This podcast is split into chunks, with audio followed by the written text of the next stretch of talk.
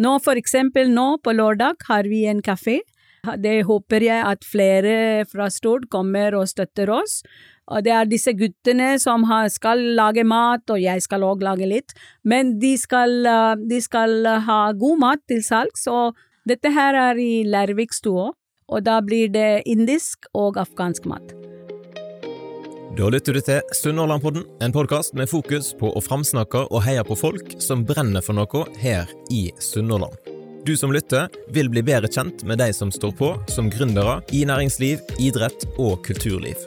Målet mitt er at podkasten skal bidra til en framsnakkingskultur, bulyst og økt kjennskap til alt det spennende som skjer i Sunnhordland. Vil du vite mer om podkasten og hvordan du eventuelt kan bli en samarbeidspartner? Sjekk ut sunnhordlandpodden.no. Og jeg setter stor pris på om du er med og deler podkasten med noen som du tror kan ha glede av den. Nok om det. Her er dagens episode. Hun ble Norges første kvinnelige crickettrener og nominert til Årets navn i Sunnhordland i 2022. Velkommen til Sunnhordlandpodden, Nita Sankolkar. Tusen takk. For de som ikke kjenner deg, da, hvordan vil du presentere deg sjøl? Well, jeg kom til Norge i 1983 uh, sammen med min mann, som uh, fikk en jobb som anestesilege her i Norge. Og vi var i Nord-Norge da, i Mosjøen. Og så flyttet vi til Stord i 1987. Jeg kommer opprinnelig fra et land med, eller en by, som har uh, nesten 20 millioner innbyggere, til Mosjøen, som var mindre enn Stord, og så til Stord, som har uh, nå 20 000 mennesker. Og så uh, det er flere som lurer på hvorfor vi ble igjen i Norge, som har bare fem millioner, som har en tredjedel av Mumbais befolkningstall. Men uh, vi syns dette her er et land som har gitt oss masse. Jeg ble lærer på Stor videregående skole, og så har jeg jobbet på AMO-senteret og yrkesskole, og hatt um, fantastisk uh, jobb som lærer.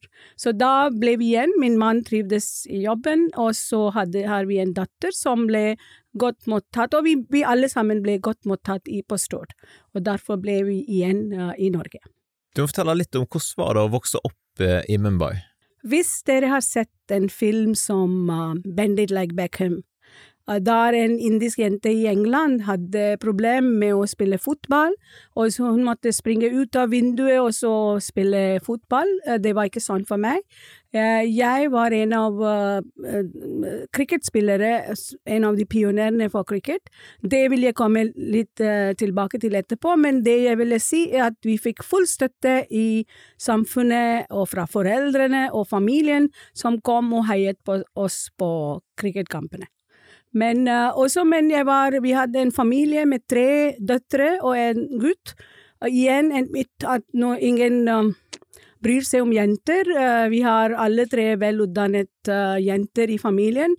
Og har en lege, en professor, og jeg ble selv mastergrad, og min, min bror ble dyrlege. Så vi alle fikk like muligheter til og med i Mumbai i 70-tallet. Dette her er lenge siden, det må vi ikke glemme. Og far din, han jobber for FN? Ja, faren min jobbet, han var noe som heter verdenseksperter i statistikk og uh, økonomi, så det var, han har uh, rådgiver til ulike, uh, ulike regjeringer rundt omkring. Det var, han var i Liberia, der jeg var på, jeg gikk på skolen i, som, i åttende klasse. Og så var han i Iran, i Teheran, så var han i Rio de Janeiro i tre år også Bangladesh i ti år. Så, han, eh, så vi, jeg har reist helt alene siden jeg var ganske ung. Uh, fra India til Liberia og tilbake til India var jeg helt alene. Og så um, flere dagers tur og men, men, jeg mener at sånne turer gjør det til en um, reflektert person. Du har da tillit i deg selv at du kan klare alt. Uh, og det var det som uh, begynte min um, progresjon til en ut, utadvendt jente som jeg ble etter hvert. Ja. Det var jeg ikke til å begynne med, men elevene mine kan aldri tro at jeg var en gang en beskjeden jente. sånn var det. Men, eh, men, jeg har da reist rundt, og så til og med stoppet i Europa ved, uh, alene på veien til uh, Rio de Janeiro og sånne ting. Så det var veldig, veldig flott å oppleve andre kultur, andre land, og du lærer fra det. Fordi når du kommer ut av um, skjellet ditt i landet ditt, så ser du forskjellene rundt omkring, og så, så, så kan du sammenligne med hva er annerledes. Fordi man uh, vokser opp med etnosentrisme, som, som, betyr at vel, den måten jeg har vokst opp, er den eneste måte å vokse opp, og så beste måte å vokse opp. Men så reiser du til et annet land og ser at folk har det bra, folk oppfører seg veldig bra, og da kan du lære fra det. Så da, det har hjulpet meg òg uh, til å bygge personligheten min, bygget på ulike, ulike uh, land og nasjonaliteter jeg har vært i kontakt med, og tatt uh, det som jeg syns også Norge, selvfølgelig, siden jeg bor her. Men, og det er, det er veldig viktig for folk å åpne sinnet, og så kunne ta imot impulser fra andre land og andre kultur. Fordi hvis alle syns at den måten de oppfører seg er den rette måte, så blir det bare konflikter. Du nevnte at det var 20 millioner mennesker som bodde i byen der. Du må forklare litt, hvordan er det å bo sammen med så masse folk, vi som bor på Stord og i Sunnhordland her, sant, og som er vant til bare noen få tusen? Ja, eh, det er akkurat det. Vi vokste opp i stor familie. Jeg hadde mine besteforeldre som bodde hos oss òg, og det var en, eh, en slags uh, uh, Du kan si tilhørighet i familien. At det var ikke Vi var så nær hverandre at det var ingenting som stoppet. og det var ikke noen vegger mellom oss når det gjelder relasjoner. Og det for, for eksempel når jeg fikk, da, da, jeg fikk min eksamensresultat, så ringte onkel og tanter og alt mulig. Da, før eksamen de ringte og sa 'all the best to you', du har eksamen. Så alle var med. Så det, det har sine fordeler, at du er med i hele, hele samfunnet ditt blir, eller familien din blir veldig stor. For eksempel da vi ble gift, vi hadde over 2000 eh, gjester. Det er såpass, ja. ja. Det er sånn det er. Så det er der du åpner opp Du inviterer uh, svigerforeldre til tante og onkle og alt sånt, så det blir en veldig stor fest. Hvordan i all verden fikk dere plass til så mange folk? Ja, men det er sånn at du har sånn for eksempel eh, fra klokkeslett til du, du, har bestemt klokkeslett, og da inviterer du folk. Men det er folk som 2000 som spiser middag òg.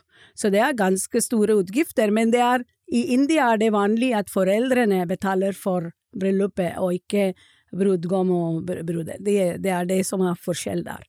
Og uansett, hvis de har råd eller ikke, det er viktig å få med uh, flest mulig til å velsigne deg uh, da du blir gift. Men her ser jeg forskjellen, at når det er um, begravelse, da er det kirken full av 600 mennesker. Men når du har bryllupet, så er det veldig begrenset. Så det er en forskjell der. I India, når du har begravelse, så da har du mindre folk. Uh, det er den nærmeste familien som er med. Men selvfølgelig, vi har minnestund og sånne ting. Men det, er, det ser jeg at det er litt forskjell der. Hvordan møtte du mannen din? Uh, mannen min Egentlig, um, jeg vokste opp med mange gutter som venner. Og jeg spilte cricket, så det var mange cricketspillere som var gode venner med meg. Men fant ingen som jeg kunne uh, gifte med meg, og mannen min er ikke interessert i cricket i det hele tatt. Nei, sant. Og det var veldig interessant. Uh, men uh, vi ble introdusert gjennom felles kjente. Søsteren min, han var i Iran, og søsteren min hadde bodd han, hun, han var i samme, Hun var òg lege, så de hadde studert i samme universitet. Så, men hun var i Iran, har bodd hos, hos ham. Og så, så ble det sånn at vi ble introdusert. Så bestemte vi oss at uh, Vi traff flere ganger, og bestemte vi oss at vi skal gifte oss. Sånn ble det bryllupet vårt. Men uh, det ble ganske snart, egentlig. Vi ble, ble, vi ble gift i løpet av en måned. Og det, er, uh, det var ikke noe jeg hadde forestilt meg å gjøre. Fordi jeg hadde mulighet sant, til å hele, I resten av familien, alle mine tre søsken hadde funnet seg partner på universitet eller andre plasser, bortsett fra meg, som hadde hundrevis av gutter som venner. sånn det. Og så kom dere til Norge, hva årstall var det? Det var 1983. Hvordan var den overgangen? Vi var, uh, Før vi kom til Norge, hadde vi bodd i Teheran. I, han hadde bodd i fire år, og jeg i to år, og så var vi i London. Og da målet var at vi skulle reise til USA. Fordi vi har alle søsken i USA, og, og som er, som jeg nevnte, leger og professor og alt mulig. Så uh, da var målet at vi reiser til uh, USA. Men uh, så kom vi til uh, Mosjøen, og med en jente som var bare tre, år, tre måneder gammel. Og så det var der min svigerfar, som kom fra India, som sa til oss hvorfor vil dere reise, ser dere det er trygge omgivelser her, folk, altså gode mennesker rundt deg, og du trives i jobben din, hvorfor vil du reise til USA? Det var han som begynte tankegang i hodet vårt. Vi hadde selvfølgelig begynt å lære oss norsk og sånn, men likevel, uh, det var han som begynte uh, tankegangen hos oss, og det er vi veldig glad for. Vi er så glad for, vi har aldri angret på at vi har bodd i Norge. Nå er det 40 år siden. Men når du kom da til Mosjøen, Observerte du at her er det stor forskjell på, på, hvordan folk oppfører seg i Norge versus eh, der som du har vært før? Ja, det er uh, flere ting, men som jeg nevnte, det er i ulike kulturer du har ulike ting. Du lærer fra det. Jeg husker vi hadde invitert noen venner uh, for datteren sin første bursdag, 40 stykker eller noe, og vi er vant til å spise, for et eksempel, med, med gafler, vi er bare med gafler og som buffé. Men i Norge, du trenger et bord, og du, sant? du har mange tradisjoner som man tar for gitt og ikke reagerer. Men det er flere ting. Du vil aldri uh, servere en halvspist kake til gjestene deres. Det er alltid hele kake, og det er gjest som Folk fra India har problemer fortsatt til å uh, skjære kake og Fordi, som du vet, kanskje England òg, skjærer, og så tar du en bit selv. Så, um, så sånne ting, også lys. Så det er disse her kulturelle forskjeller vi lærte fra våre uh, uh, venner.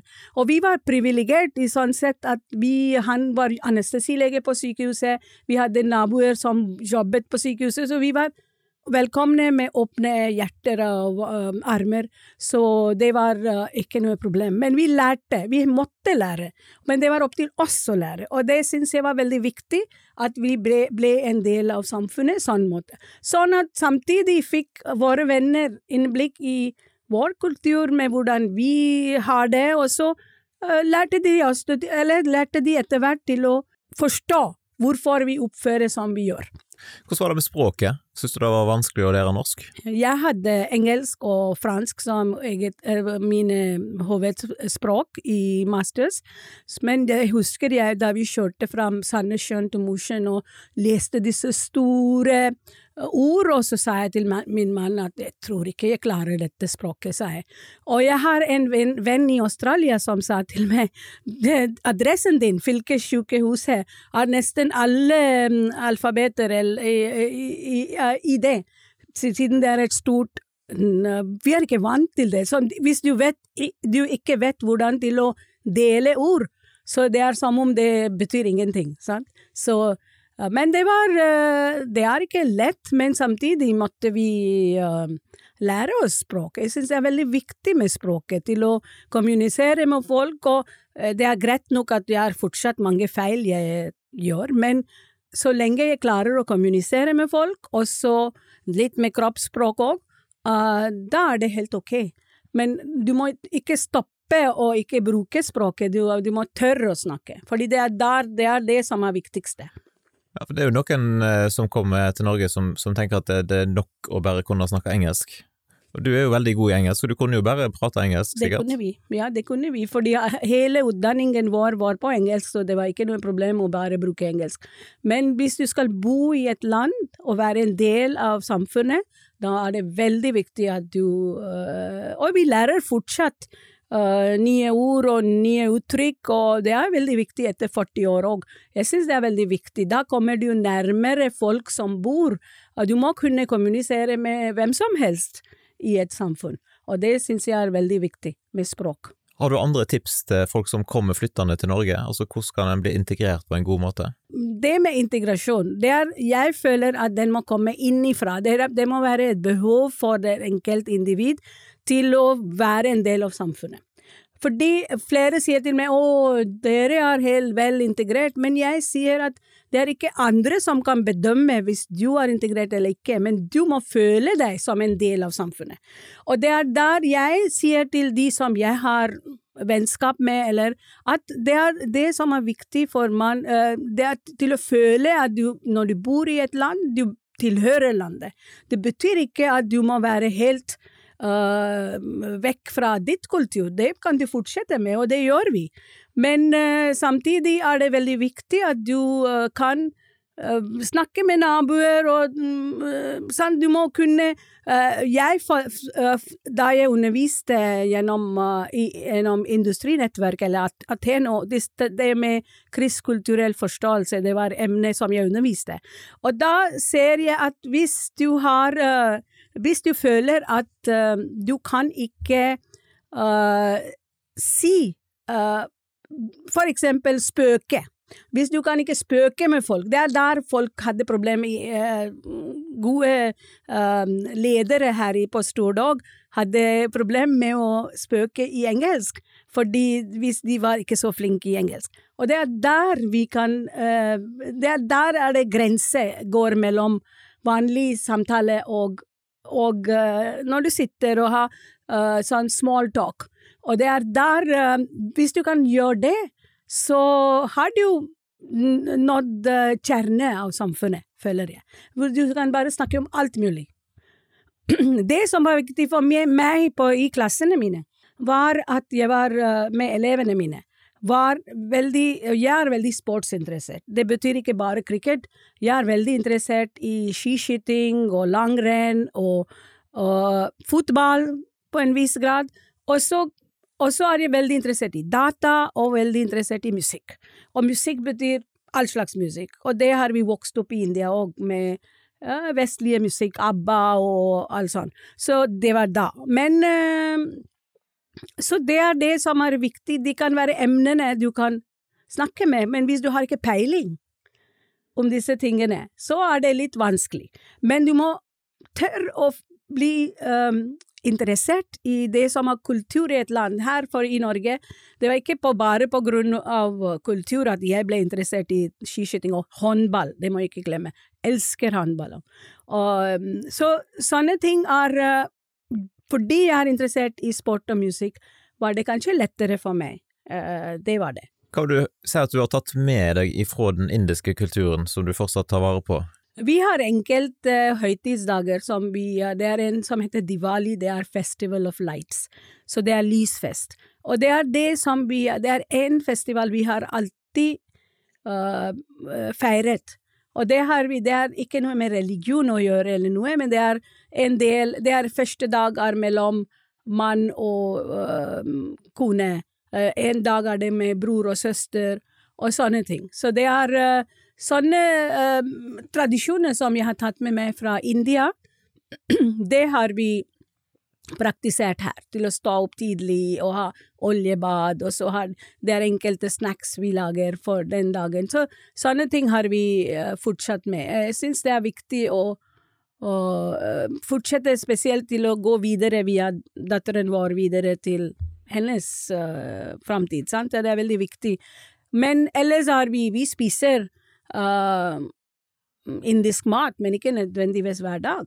Og vi har norsk mat, og vi har italiensk eller kinesisk eller meksikansk, så det er sånn vi er mer uh, verdensborgere i den sammenheng. Ja. Men uh, ellers har vi uh, kontakt med familien i India, og de er på besøk.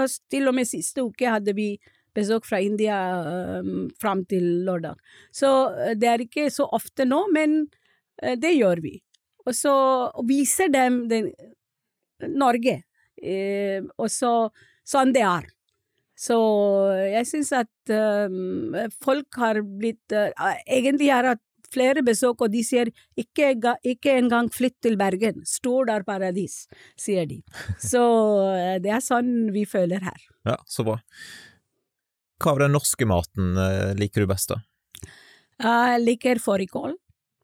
Og så er det laks med um, sitronsmør. Og vi liker fenelår, Disse deilige krabber som vi uh, får kjøpt. Så det er masse peppermakrell og Det er flere ting. vi liker uh, i- ja, selvfølgelig biff og sånn. Vi spiser det òg. Så uh, ikke noe mot det. Er det noe norsk mat du ikke syns er gøy? Uh, egentlig jeg er vant til saltet fisk, men lutefisk har jeg ikke ennå kommet til å like så godt. Men, har, ja, men vi har spist bacalao fra mm, Portugal, så det er det samme.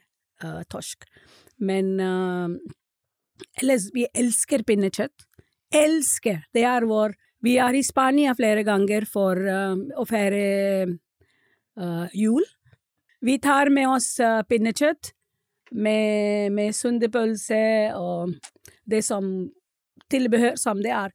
Og i fjor, eh, eller nei, i år, rundt påske, hadde jeg besøk fra stor familie fra Stord som var der, og vi spiste um, pinnekjøtt som jeg hadde med meg. Med, ja. Så det er fantastisk god uh, norsk tradisjon. Men det tok lang tid før vi begynte det. Ja. Fordi vi visste ikke hvordan det smakte. Og jeg, for den saks skyld, jeg må si at da, da jeg reiste alene i så mange år, jeg var veldig opptatt av å ha um, mat med krydder. Men nå, hvis vi har noe feiring, så er det alltid en norsk måltid. Sånn er. Hvordan var det å komme inn på arbeidsmarkedet? For meg var det ikke så vanskelig. Fordi jeg ble godkjent som lektor med tilleggsutdanning uh, med en gang. Og jeg fikk uh, egentlig veldig eh, mange muligheter, og jobbet som sagt på AMU-senteret og yrkesskole, og uh, fikk programfag òg på, yrk- på Saghaugen, på uh, gymnaset, du kan si. Ja. Eh, Så da var det ikke vanskelig. For ham var det ingen problem likevel. Han ble avdelingsoverlege her på stort sykehus. Men eh, jeg òg var lektor med tilleggsutdanning, så det Ja. var ikke noe problem. Hvordan var det å jobbe som lærer? Det var fantastisk. Det var uh, veldig givende, og jeg vil absolutt det. Og det, der føler jeg at det som hjalp meg mest, var den der relasjonsbygging. Uh, der jeg åpnet opp selv og fortalte om meg selv, og da begynte elevene òg til å åpne seg til meg, og så fikk jeg veldig god uh, rapport med dem. Og så, som jeg sa, med å ha interesse i disse ulike eh, ting som sport og musikk og data og sånn. Jeg husker flere ganger de kom 'Skal vi hjelpe deg med å fikse den?' Det var, dette her var helt i begynnelsen av året. Vi er Med noe datagreier. Nei takk, sa jeg. Jeg klarer dette. Fordi jeg var først og fremst en kvinne, en litt gammel kvinne, og utenlandskvinne, så Men da forsto de med en gang at dette her er det en annen sak. Så det var, eh, det var eh, veldig kjekt å, bli en eh, Og jeg syns det er viktig å motivere elevene med, med uh, uh, At de kan nå oppnå hva som helst i livet. Og det er det som er uh, veldig viktig. Av og til når de er 16-17, er de litt uh, sånn uh, forvirret om hvordan det blir med framtiden, og, så tar med seg en litt bagasje fra tidligere år. Og så det er veldig viktig å gi dem den her støtte, og pushe dem litt til å gå videre. Og det er flere som jeg treffer mange hvor som helst, og de, kommer, de går aldri forbi meg uten å gi en klem. Så det er veldig, veldig, veldig kjekt. Så bra. Hva vil du si er den største forskjellen på skolesystemet her i Norge da, og versus India? Det er det som er største eh, forskjell, er at i India, når du er 10-12 år gammel, da har du bestemt deg hva du vil bli, fordi det er 1,4 milliarder mennesker som bor, og så det er, den, eh, det er veldig vanskelig med Hvis du ikke begynner da, så kommer du aldri til, uh, til det du har uh, som mål. For eksempel alle disse profesjonelle studier, for eksempel uh, advokat og lege og arkitekt eller ingeniør, der må du oppnå nesten 100 poeng du, hvis du skal komme opp. Så folk begynner med vanlig skole, så har de før og etter har de noe ekstratimer tuitions og sånn, og det er uh, helt forferdelig liv for dem. Så uh, jeg syns at det kunne vært litt mer imellom mellom det som er i India og med her, slik at det blir tid for fritid, og her er det av og til uh, du spør noen som er 17-åring, og du har bare ett år igjen, hva har du bestemt? Nei, jeg vet ikke helt, og sånn. Men de klarer seg bra etterpå. De, har, de tar ett år eh, som gap year og reiser og folkehøyskole og sånne ting. Uh, og det er ikke noe feil med det heller, men, men, samtidig, vår måte er at hvis du går ut av systemet uh, da når du er 18, da er du aldri du, kommer, du kan aldri komme tilbake. Og det er det jeg skulle snakke med her, at det med voksenopplæring er en fantastisk tilbud folk i Norge har. Dette her er støtte, og jeg var selv avdelingsleder for voksenopplæring på Stord videregående i fem år. Siste fem år før jeg pensjonerte meg. Og da var det Du ser at det er så masse muligheter, og folk er kanskje litt eldre og vet hvordan eh, de vil ha det i livet videre. Og da er det Det var fantastisk å hjelpe veldig mange uh, som kom fra yrkesfag til uh, generell studiekompetanse og så videre til universitet, eller de som tok fagbrev etter mange år. Det var helt fantastisk og givende. Så det er det tilbudet jeg håper Norge fortsetter, uansett uh, hvordan det blir med økonomi videre. Men det er helt fantastisk med voksenopplæring, og det har vi ikke muligheter til i India. Vi må snakke litt om, om cricket. Du nevnte det i starten her, og du har sagt at du er sportsinteressert. Når uh, begynte du sjøl å spille cricket? Jeg var ganske uh, sent å begynne. Jeg var 17 år gammel da jeg begynte å spille cricket. Og det var sent, og egentlig det var sånn at i familien min det var masse interesse for cricket, bortsett fra meg. I, fram til jeg ble 16-17. Og da var det en ekstra billett i huset, og så sa de ja, vil ikke du gå, vi har en billett. Det var umulig å få tak i et billett. Så derfor dro jeg på en kamp og ble forelsket i cricket. Det er sånn det begynte. Så begynte jeg å spille, og jeg, var en av, jeg, jeg er en av pionerene av uh, damecricket i India fortsatt. Så da var jeg både spiller og administrator. Og uh, spilte masse cricket rundt, omkring, rundt uh, hele India. Og så representerte jeg India i uh, International Women's Cricket Council-møte, uh, der vi ble Eh, godkjent som medlem av uh, internasjonal cricket. Og det er stor. Jeg var bare 19 år gammel, og de andre som var med på møtet, var alle over 40, og da var det uff. Det var, men det var veldig kjekt å representere India der. Og da begynte vi, og så Det som er veldig bra, er at etter mange år, når hun, en av våre venner, mine venner som var her, var med meg, og uh, siste uke var vi på HVL, jeg var sammen med henne, og lærte disse idrettslinjestudenter uh, å spille cricket.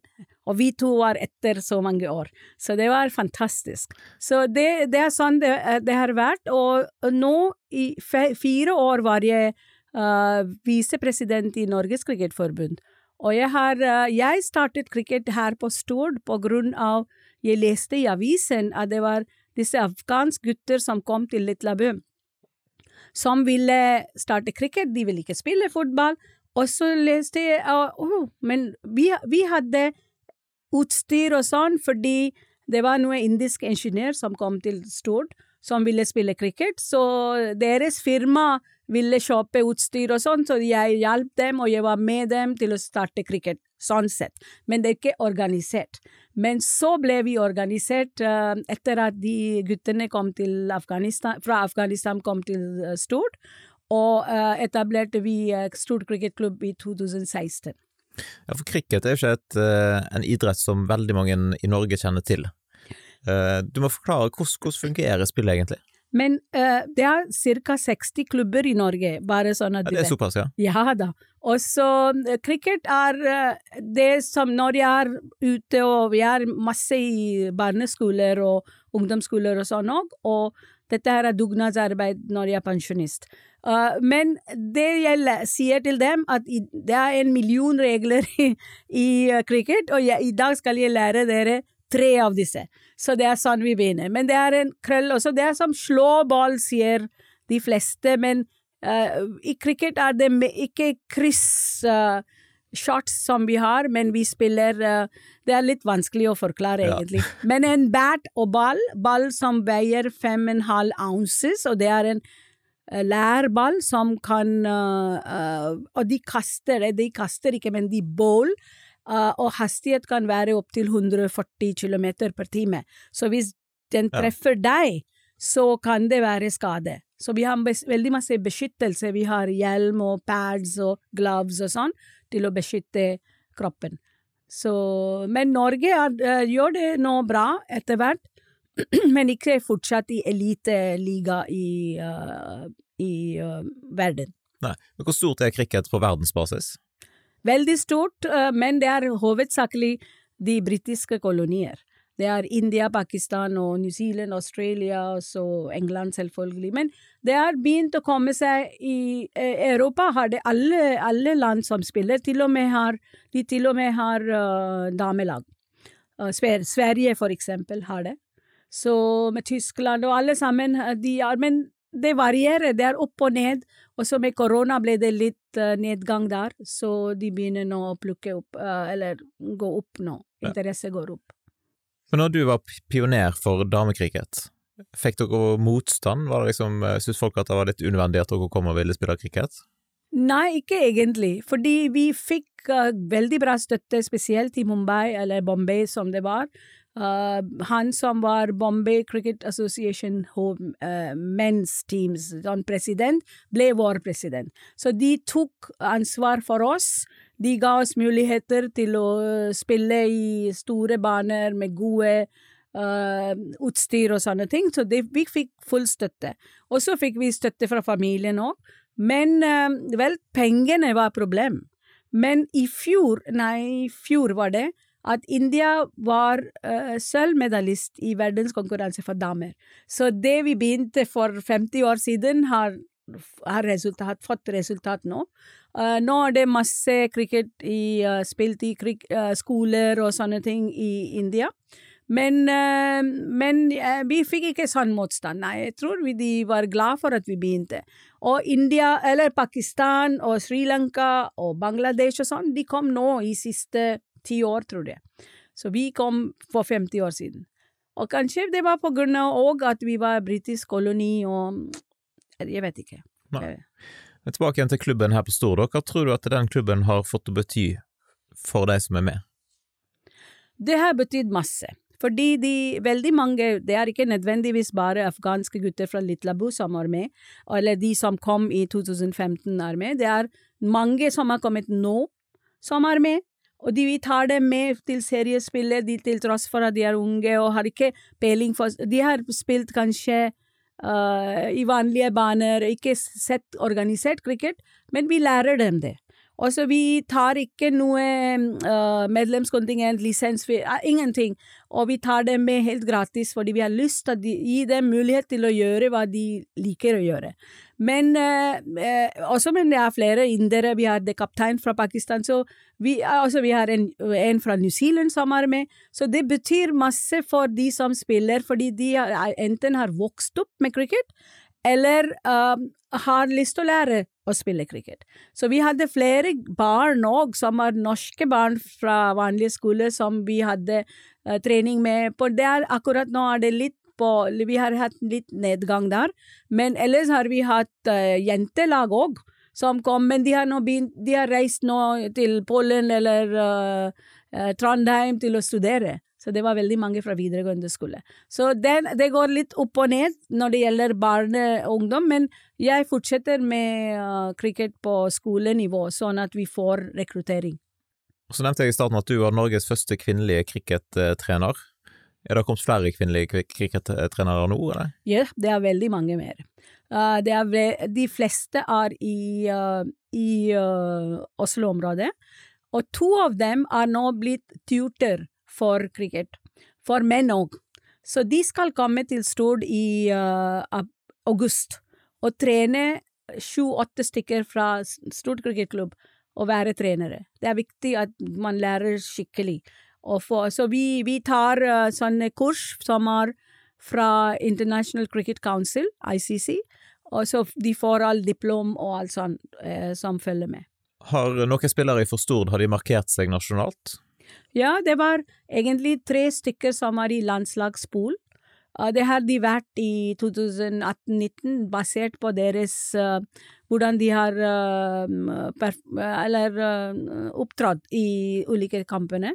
Så det er uh, også akkurat nå, i dag, fikk jeg beskjed at det er en fra Litlabu mottak som er i under 19 landslagspool, og det er fantastisk. Så uh, han er veldig flink. Og jeg, tror vi har et veldig flott lag, og vi er helt sikre på at vi kommer til å gjøre det bra.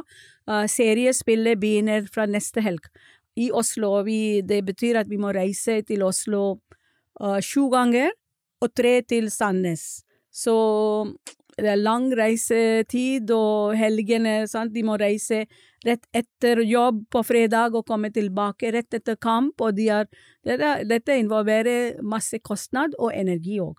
Men de er um, glad til å delta og uh, vil gjøre en god jobb for Stord. Hvordan klarer dere å dekke de kostnadene? Ja, nå for eksempel nå på lørdag har vi en kafé da skal det håper jeg at flere fra Stord kommer og støtter oss. Og det er disse guttene som skal lage mat, og jeg skal òg lage litt. Men de skal, de skal, ha god mat til salgs, og vi må uh, tjene litt penger der. Ellers har vi fått god støtte fra Sparebanken Vest og Vestland fylke, også Amfi. Uh, de, han, Hans Martin han har vært fantastisk.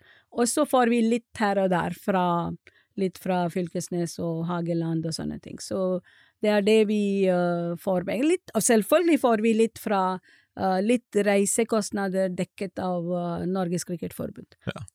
Hva betyr det for dere da, at lokalt næringsliv og, og sånn som Sparebanken Vest, at det er med å støtte?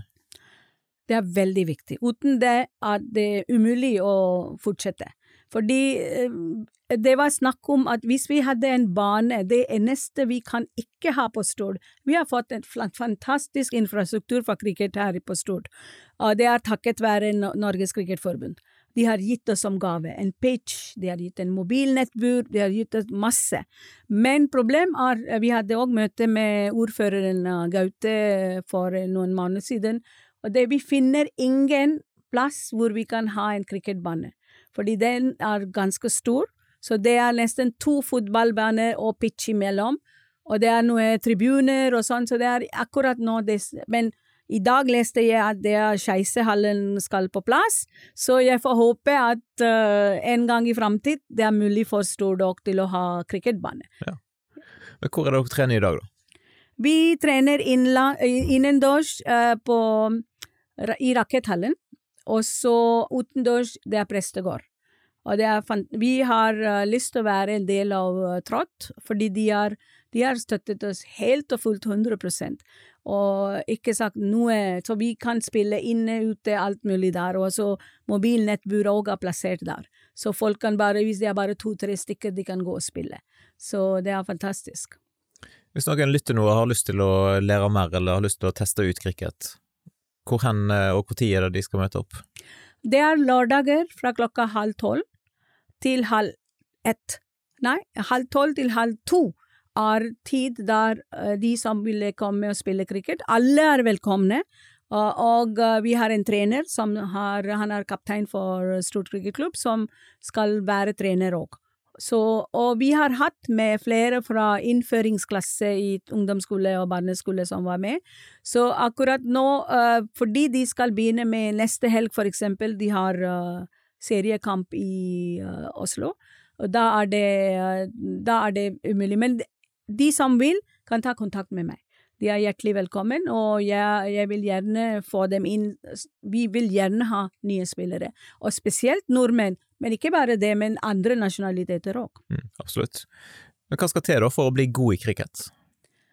Uh, du må det er, det er akkurat samme som du tror uh, du må ha til å bli en god fotballspiller eller håndballspiller eller noe. Du må ha først og fremst tid og uh, interesse, og så må du ha motivasjon, og så må du ha den mulighet til å delta i ulike seriespill og sånne um, kamper. Også, men hovedsakelig din interesse må være størst for det sport, sporten du uh, følger i. Sen, uh, jeg husker um, Gaute sa at det er veldig bra, det er flere som vil ikke spille uh, fotball og håndball og så ta cricket. Så sa jeg kanskje det blir første valg blir cricket for noen. Og det håper jeg det blir. Fordi uh, det er en interessant sport. Du nevnte dette med kafeen nå på lørdag. Det er lørdag 6. mai, så hvis du hører podkasten etter da, så er det dessverre for seint. Men uh, hva mat er det dere serverer, og hvor hen er det det skal skje? Dette her er i Lærvikstua, og da blir det indisk og afghansk mat. Og veldig god smak med nan og kylling og linser og alt mulig. Veldig god mat. Så jeg håper uh, flere kommer. Så der får vi testa ut litt forskjellig? Ja. Ja, men bra. Vi, vi oppfordrer jo folk å, å, stikke opp der. Eventuelt, uh, hvor ofte har dere sånne arrangement? Uh, det er avhengig, avhengig, av hvor mye penger vi trenger. Ja. så det blir en ny kafé, tror jeg, i juni. Hvorfor får de med seg informasjon om uh, sånt? Vi har Facebook-side Stort cricketklubb der vi uh, har informasjon. Og når det gjelder sånn kafé og sånn, uh, da er det informasjon, det er arrangement som vi har lagt ut. Du nevnte at du skulle lage litt mat òg? Ja. Hva kommer du til å lage? Jeg skal lage nan, brød, og så lage um, noe som heter dal makhni, det er linser, uh, som er ganske populær blant nordmenn. Så det er det jeg har tenkt å lage. I starten så nevnte du dette her som, som du kalte for etnosentrisme. Du må fortelle litt mer om hva innebærer det? Uh, det som jeg uh, syns etnosentrism betyr, at den måten du vokser opp, er den rette måte. Eller den beste måte òg.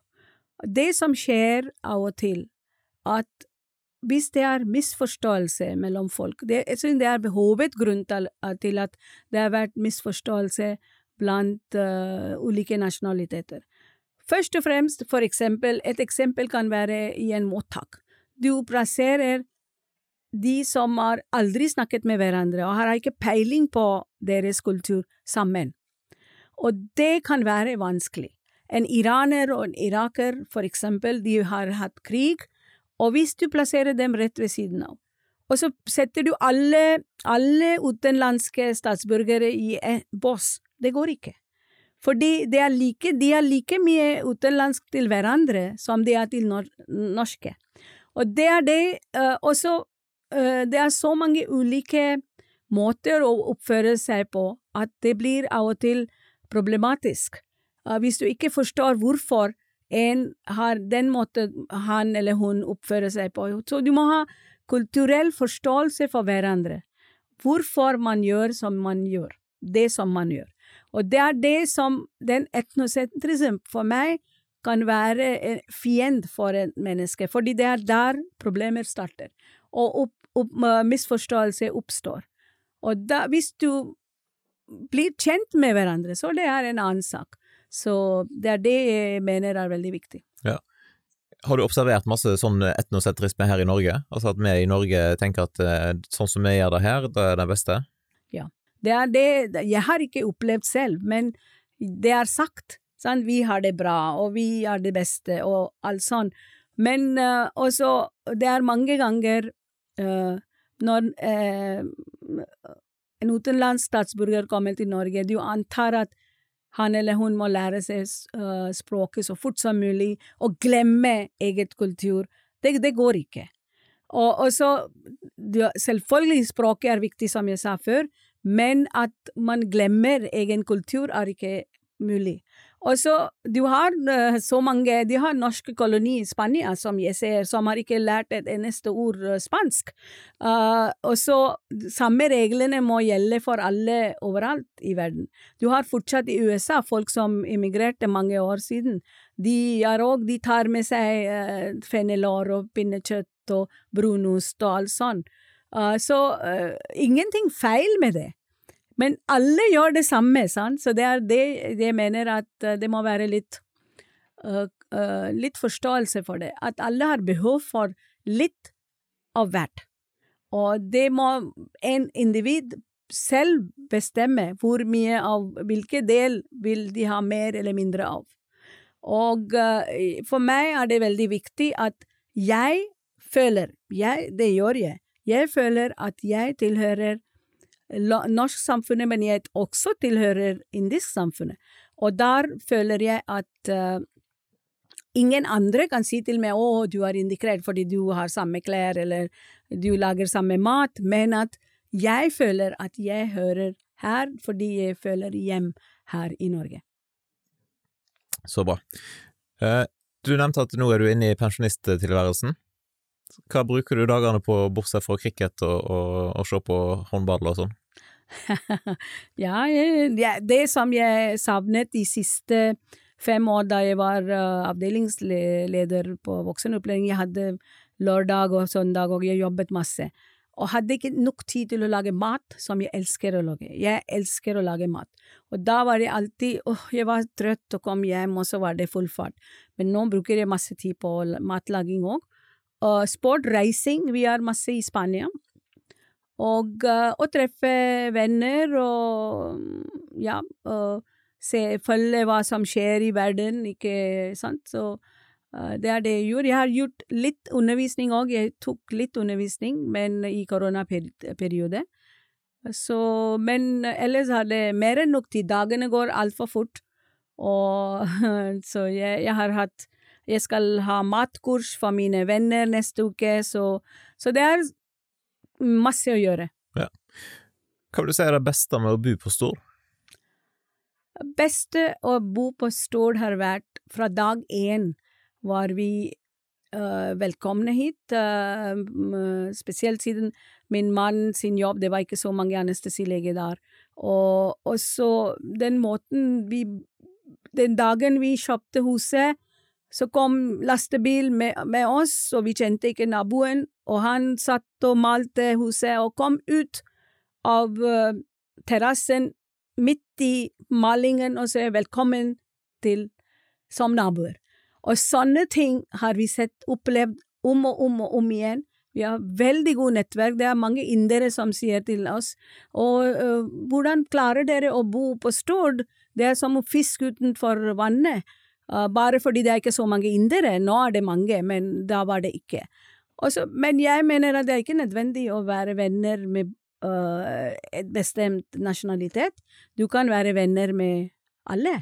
Og det er det vi har, en veldig internasjonal uh, nettverk av venner, og mange nordmenn. Ja. Så ønsker jo Sunnmørpodden å bidra til en framsnakkingskultur, så hvis det er noen til slutt her du skulle ha framsnakka ditt, jeg ville ikke menneske, men jeg tenkte Internasjonal kulturklubb gjør en fantastisk god jobb. Jeg har selv vært leder for uh, Internasjonal kulturklubb i mange år. Uh, og jeg syns at det gjør en skikkelig god jobb ikke til, til å få opp øynene for både norske og utenlandske til å forstå hverandre. Det er det de har gjort best del med. Så Uh, det er der de gjør en fantastisk god jobb, og jeg mener at i alle arenaer de er aktive. Og uh, jeg vil absolutt si at det er en av de beste organisasjonene her på Stord. Hvor kan folk finne ut uh, informasjon om det? Uh, det òg kan du finne ut. Det er Facebook-side, Internasjonal kulturklubb. og de deltar òg til og med aktivt i 17. mai-tog og sånn. Uh, uh, så jeg, jeg, er ikke helt sikker på hvis de har uh, nettside utenfor Facebook, men de har. Og de har språkkafé der folk kommer, og og matkurs og mm, Nei, men ikke, ikke bare en karneval har de som er òg for alle aldersgrupper, og, og de gjør òg masse for flyktningene. Og, men de, de, hovedsakelig de mm, prøver å uh, ta vekk den barrieren mellom utenlandske statsborgere og uh, nordmenn. Ja, men Supert. Da, dagens tips er å sjekke ut Facebook-sida deres. Da sier vi tusen takk for at du tok turen i studio her, så ønsker vi lykke til både med cricket og kafé og alt som skjer framover. Tusen takk skal du ha.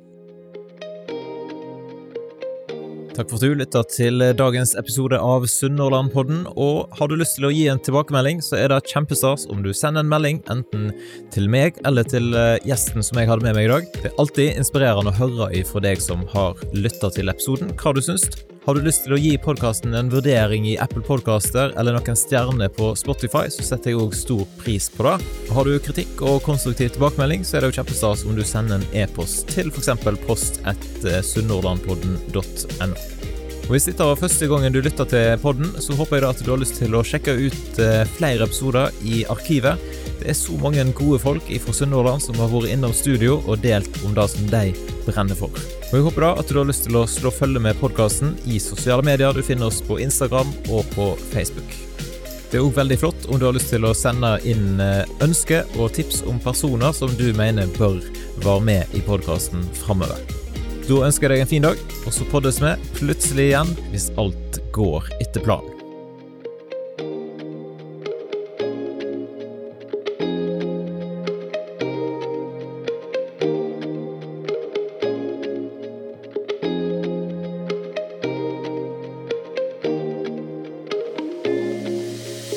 Podkasten er produsert av Kjetil Fyllingen.